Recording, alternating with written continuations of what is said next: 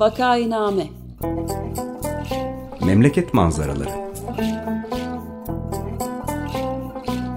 Hazırlayan ve sunanlar Güven Güzeldere, Ömer Madra ve Özlem Teke.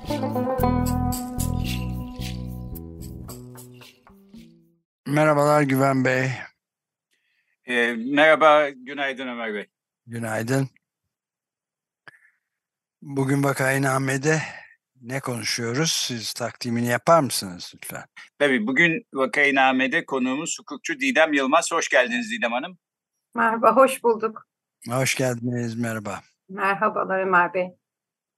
Ee, şimdi Vakainame'yi bildiğiniz e, üzere e, Ömer Madre, Özlem Teke ve ben Güven Güzelder'i birlikte yapıyoruz. Fakat Özlem Teke bugün bizimle değil ama birkaç program sonra aramıza dönecek.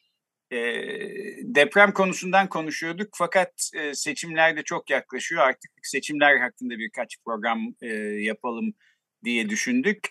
E, bugün de seçim sistemleri e, üstüne aslında kafa karıştıran bazı soruları e, Didem Yılmaz'a sormak istiyoruz. E, konuğumuz Didem Yılmaz, e, Galatasaray Üniversitesi Hukuk Fakültesi mezunu. E, aynı üniversitede e, yüksek lisans ve doktora çalışmalarını da e, bitirdikten sonra e, şu anda Bahçeşehir Üniversitesi Hukuk Fakültesi'nde anayasa hukuku e, ana bilim dalında öğretim üyesi olarak çalışıyor. 2019'dan bu yana Anayasa Hukuku Araştırmaları Derneği'nde başkan yardımcılığı görevini yürütüyor. Aynı zamanda Kamu Hukukçuları Platformu İcra Kurulu üyesi. E, Didem Hanım'la temasa geçmemizi de e, Murat Sevinç sağlamıştı. E, kendisine de buradan bir teşekkür etmeyi unutmayayım. e, şimdi Didem Hanım biz e, yani benim kendi kafamı karıştıran bir soru var seçim sistemleri hakkında. E, ben şöyle anlıyorum demokrasinin en temel unsurlarından bir tanesi her bireyin her bireyle eşit e, oya sahip olması, hakka sahip olması seçim sandığına gittiğimiz zaman. Yani işte hep diyorlar ya böyle dağdaki çobanla bilmem üniversitedeki profesörün oyu aynı mı olacak diye. Evet aynı. E, herkesin bir oyu var. Şu yaşın üstündekilerin oyu iki sayılsın ya da eğitim düzeyi bu olanlarınki yarım sayılsın falan gibi bir e, durum yok. Bu, bu bence e, demokrasinin çok temel bir tarafı ve e, değişen seçim sistemleri buna hiçbir zaman dokunmuyor.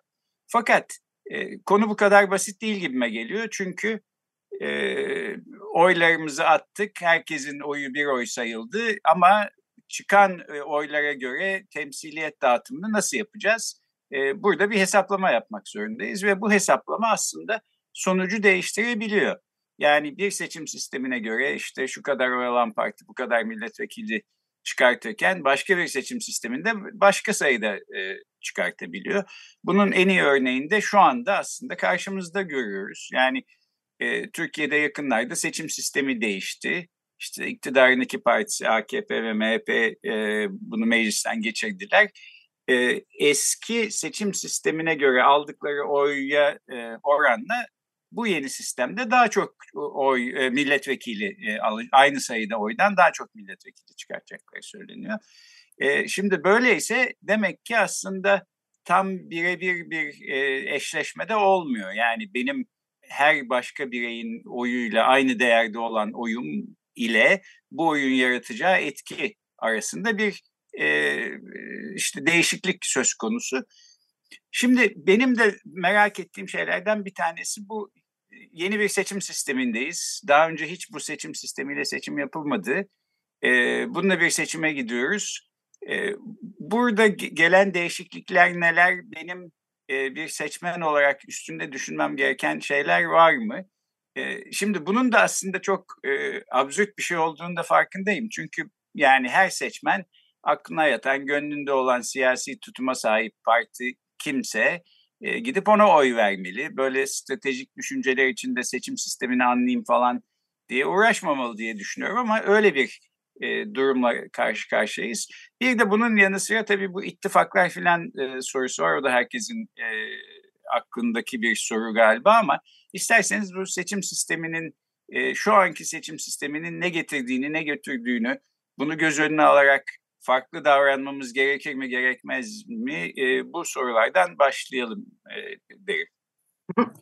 Peki e, çok teşekkür ederim e, Güven Bey. E, aynı zamanda şunu da hatırlatmak lazım. Dün itibariyle e, yurt dışı oylamalar başladı. E, dolayısıyla biz 17-16 gün sonra e, oy vereceğiz ama e, yurt dışı seçmenler hali hazırda oy kullanmaya başladılar.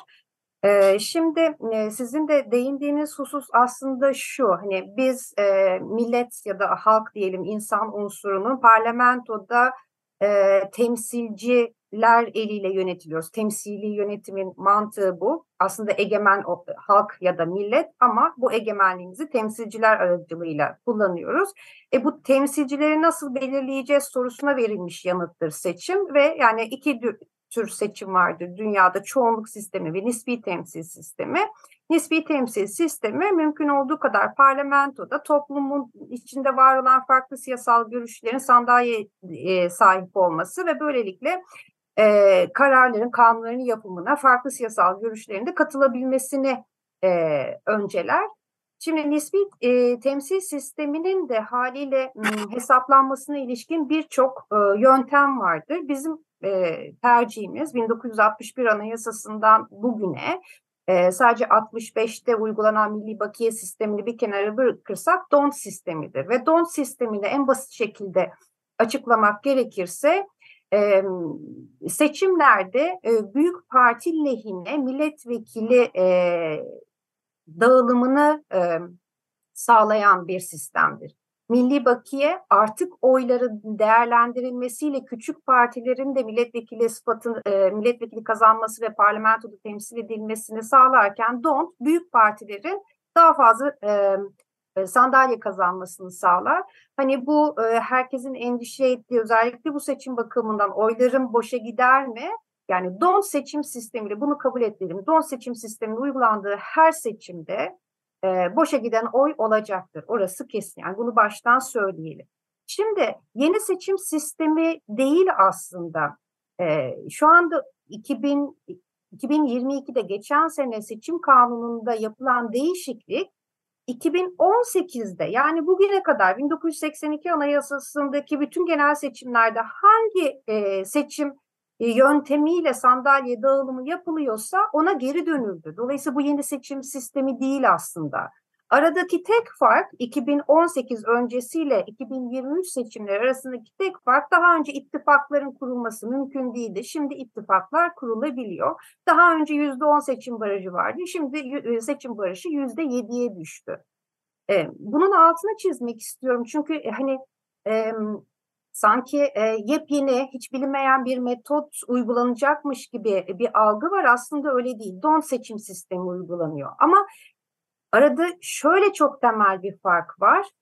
2018'de don seçim sistemi uygulanırken siyasal partiler sandalye dağılımında sıralanırken ittifaklar da sıralanabiliyordu.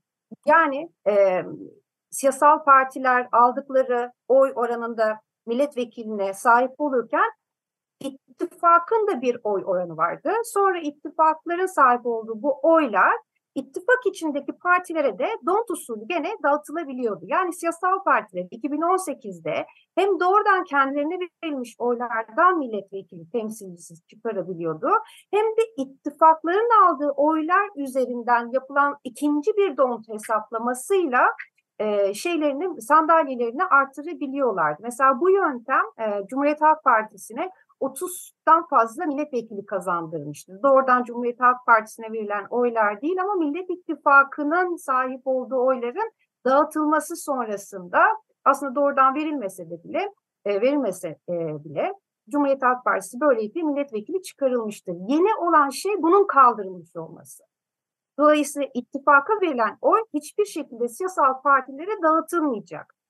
O yüzden zaten diyorum 2018'deki klasik don't yöntemine geri dönülmüştür e, şeyde. Bunu da bir örnekle eğer e, daha açıklayıcı olacaksa anlatmak isterim. E, diyelim 2018'de e, Güven Bey diyelim siz bir siyasal partisiniz, Ömer Bey de bir siyasal parti, ben de bir siyasal partiyim. Siz 92 oy almışsınız, Ömer Bey 60 oy almış, ben e, 34 oy almışım. Ama biz e, Ömer Bey ile Özgürlük ve Demokrasi İttifakı'nı kurmuşuz. O da 48 oy almış. Dolayısıyla hesaplama yapılırken 92, 60, 34 ve 48 ittifakın oyu da e, milletvekili dağılımına e, listesinde yer alabiliyordu. Ve bunu yaptığımız zaman işte 92, 60, 34, 48 3 milletvekili çıkacaksa büyükten küçüğe sıralıyoruz e, bölme işlemini yapınca e, Güven Bey'in bir e, milletvekili kazanıyor. Ömer Bey bir milletvekili kazanıyor. İttifak da bir milletvekili kazanıyor. Sonra ittifakın o kazandığı bir milletvekili Ömer Bey ile Didem partileri arasında dağıtılıyor ve Ömer Partisi'ne bir milletvekili olarak geri dönüyor. O zaman baktığımız zaman sonuca e, Güven Partisi bir milletvekili, Ömer Partisi de iki milletvekili kazanmış oluyor. Bir milletvekilini kendi oylarından, bir milletvekilini de ittifak oylarından kazanmış oluyor. Şimdi bu hesaplamaya ittifak katılmıyor. İttifak katılmadığı için de sadece Güven Partisi, Ömer Partisi ve Didem Partisi milletvekili dağılımına kazan, e, katılıyor. Öyle olduğu zaman da işte Güven Bey'in e, 92 e, oyu var, Ömer Bey'in 60 oyu var, Didem Partisi'nin de 34 oyu varsa büyükten küçüğe sıralayalım. 92 en büyük oy. Dolayısıyla Ömer Bey bir milletvekili gitti. E, pardon, Güven Bey'e bir milletvekili gitti. Ömer Bey'in 60 oyu var, ona da bir milletvekili gitti. Ondan sonra bunu ikiye bölüyoruz. 92 ikiye bölünce 46, 62'ye bölüyoruz 30, 34 ikiye bölüyoruz 17. Büyükten küçüğe sıralıyoruz 46 karşımıza geliyor. Dolayısıyla Güven Bey iki milletvekilini kazanıyor. Ömer Bey bir milletvekilini kazanıyor. Dilan hiçbir şekilde bir milletvekili kazanmıyor.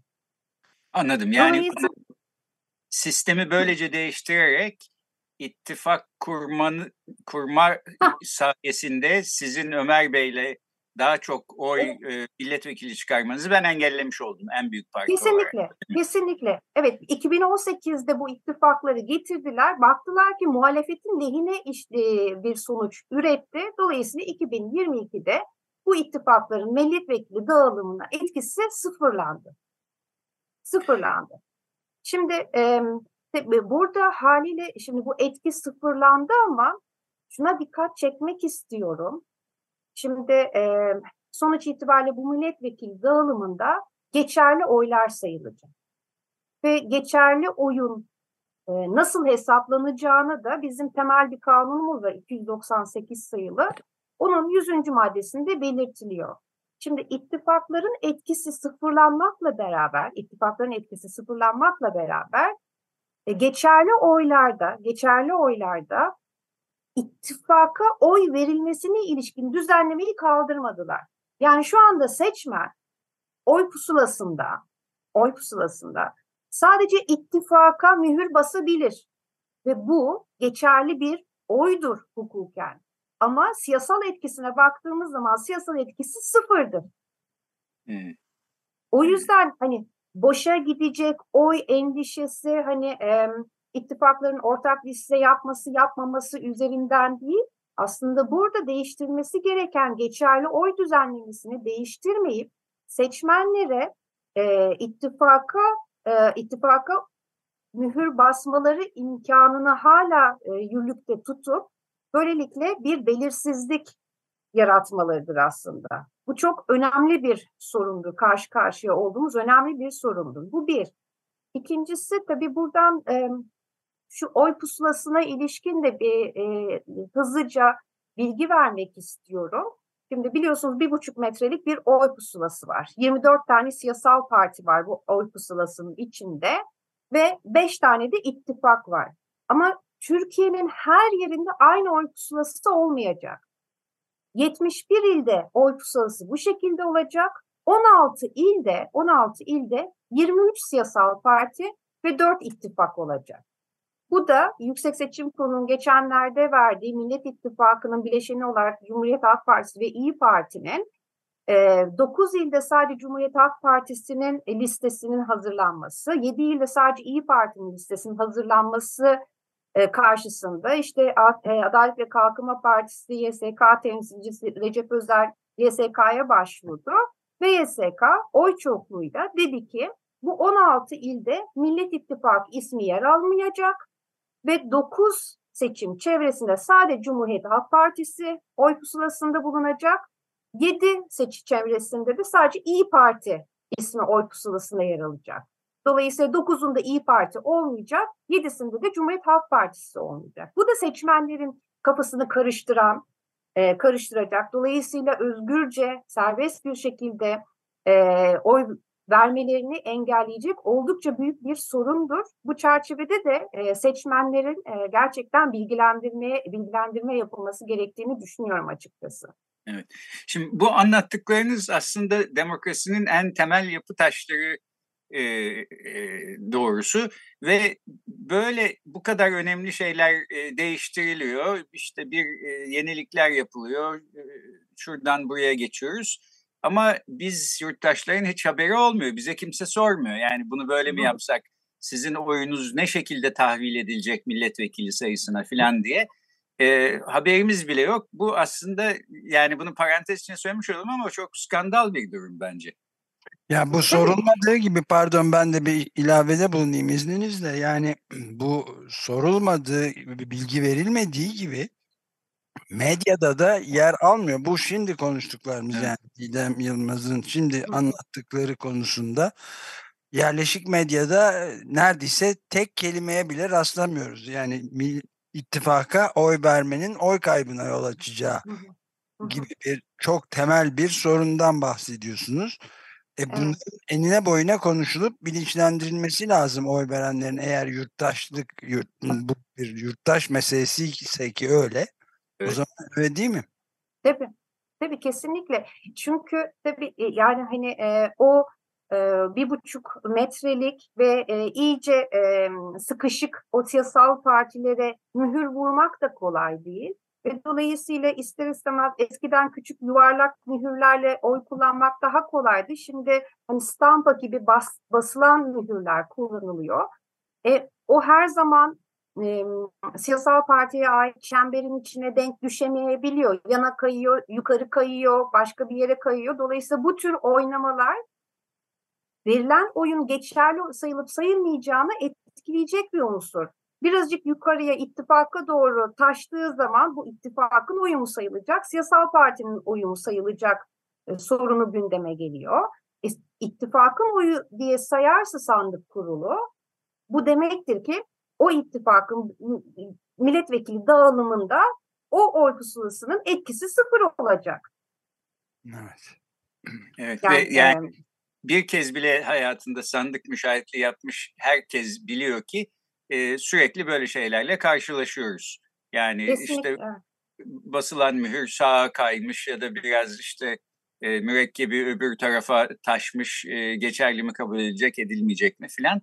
E, peki ben e, yani bu söylediklerinizden en önemli e, çıkartacağım ders olarak şunu anlıyorum. Yalnızca bir ittifaka oy atar herhangi bir partiye de onun yanı sıra oy atmazsam aslında o oyun boşa gitmiş olacak. Öyle mi? Yani e, öyle olmaması gerekir. Prensipte öyle olmaması gerekir. Ama e, böyle sonuç doğuracak şekilde uygulamaya da açık. Dolayısıyla siyasal partilerin Yüksek Seçim Kurulu'na başvurarak bu konuda geçerli oyun nasıl sayılabileceğini, ittifak çünkü bir seçmen olarak ben mutlaka bir siyasal parti temsilcisi, e, bir siyasal parti tercihinde bulunmak niye zorunda bırakılıyorum? Belki hiçbir siyasal partiyi sevmiyorum ama belli bir ittifakın e, oluşumunu destekliyorum. Ona oy verebilirim. Verdiğim zaman ama bunun etkisi sıfır olacak. Evet. Dolayısıyla e, siyasal partilerin bunu Yüksek Seçim Kurulu'na başvurup geçen seneki yapılan değişiklikle ittifakların siyasal etkisi sıfırlandığına göre ittifaklara oy verip vermemenin nasıl değerlendireceğini, geçerli oyun nasıl belirleneceğine ilişkin YSK'dan karar almaları gerekiyor. Burada ana sorumluluk, pardon, burada ana sorumluluk siyasal partilerin kendilerine biniyor değil mi? Onların... Evet, Kesinlikle çünkü bir sandık işte onu başka türlü sayacak, öbür sandık başka türlü sayacak. Bu ortaya çıkınca itirazlar başlayacak. Bu sefer birleştirme tutanakları birleştirilmesi uzun sürecek vesaire yani seçim sonuçlanması haliyle e, zaman alacak. Yani hani bu öngörülebilir bir sorun. Onu bu öngörülebilir sorunu da önceden bertaraf etmek gerekiyor özellikle böyle bir seçim bakımında. Evet. Peki şimdi açığa kavuşturmak açısından soruyorum. Seçim sistemi değişti filan dedik. Aslında 2018'deki sistem de DONT sistemiydi. Bu da öyle Kesinlikle. ama e, bir takım revizyonlardan geçmiş durumda değil mi? Yani iki kere don't uygulanıyordu ve e, ittifak kurmak o anlamda millet e, siyasal partilerin lehineydi. Şimdi ittifak partisi olmak sadece barajı aç, aşmayı sağlayacak bir e, etkisi var ama onun dışında milletvekili dağılımı bakımından siyasal partiler gene her zaman olduğu gibi birbirleriyle yarışıyorlar. Orada bir değişiklik yok. Bir kere don't uygulanacak yani.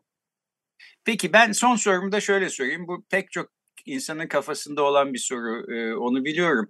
Şimdi diyelim ben küçük bir partiye oy vermeyi düşünüyorum ama oyun boşa gider mi diye de endişeleniyorum bir yandan. Bu partinin e, gider mi gitmez mi diye size sordum. Siz de diyeceksiniz ki bir kere hangi ilde oy atacağına bakar. Çünkü e, her ilde aynı oy pusulası bile olmayacak. Ee, evet. işte bir bazı illerde ittifaka girmiş bu parti, bazı illerde kendi logosuyla kendi başına giriyor filan.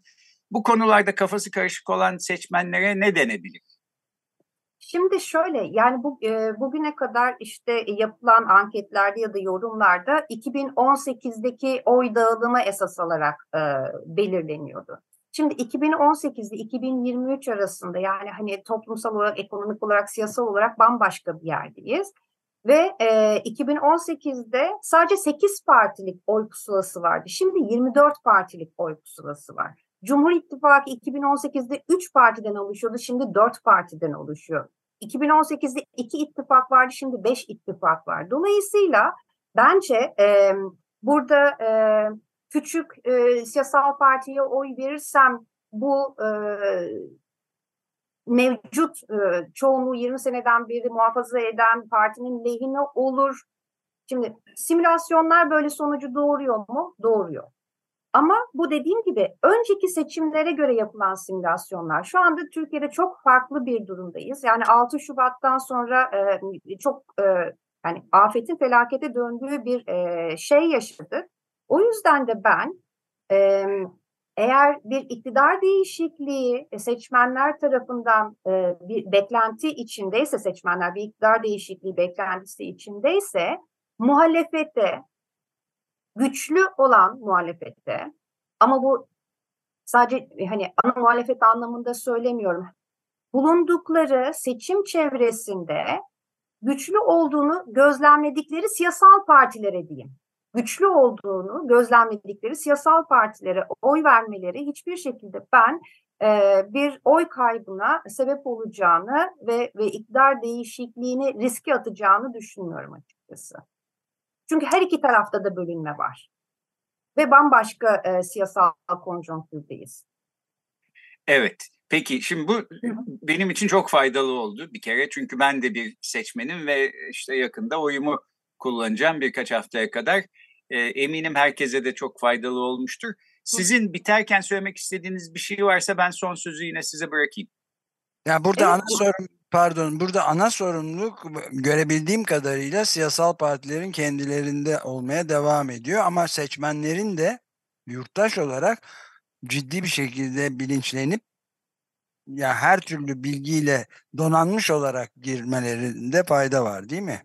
Kesinlikle, kesinlikle Ömer Bey. Şimdi bizim e, seçim mevzuatımız yani 1961'den bu yana aslında oldukça e, demokratik sonuçlar üreten, beğeniriz beğenmeyiz kazanan demokratik sonuçlar üreten seçim sürecine gayet iyi e, kotaran düzenlemelerle e, düzenlemeler içermekteyken özellikle 2008 yılı itibariyle bu sistemde bozulmalar yaşanmaya başlamıştır.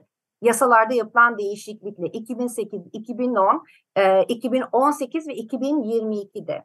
Dolayısıyla bir de bir de e, bu e, mevzuat seçime daha ziyade siyasal partilerin ana aktör olduğu, seçmenleri biraz etkisiz, sadece işte sandık günü, oy verme günü sand, e, sandığa gidip oyunu vermekle mükellef kılan bir pasif role itmiştir.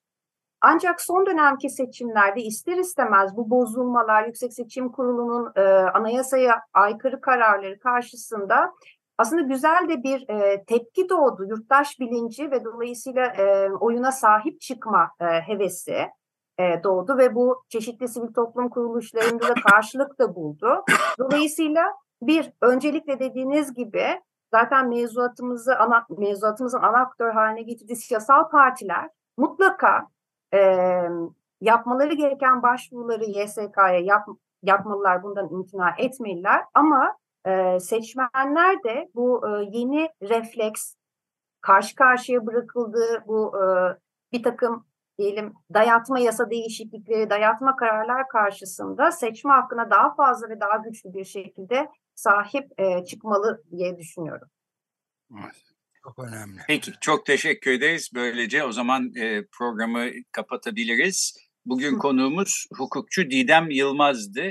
E, seçim sistemindeki değişikliklerden ve bunların bizim oy davranışımızı ne şekilde etkilemesi e, gerektiğinden söz ettik. Çok teşekkür ediyoruz Didem Hanım. Ben e, çok, Çok teşekkür ederim. teşekkürler. Belki bunu seçime çok yakın günlerde bir kez daha yayınlarız bu programı. Olabilir. Peki, görüşmek üzere. Hoşçakalın, iyi günler. Teşekkürler.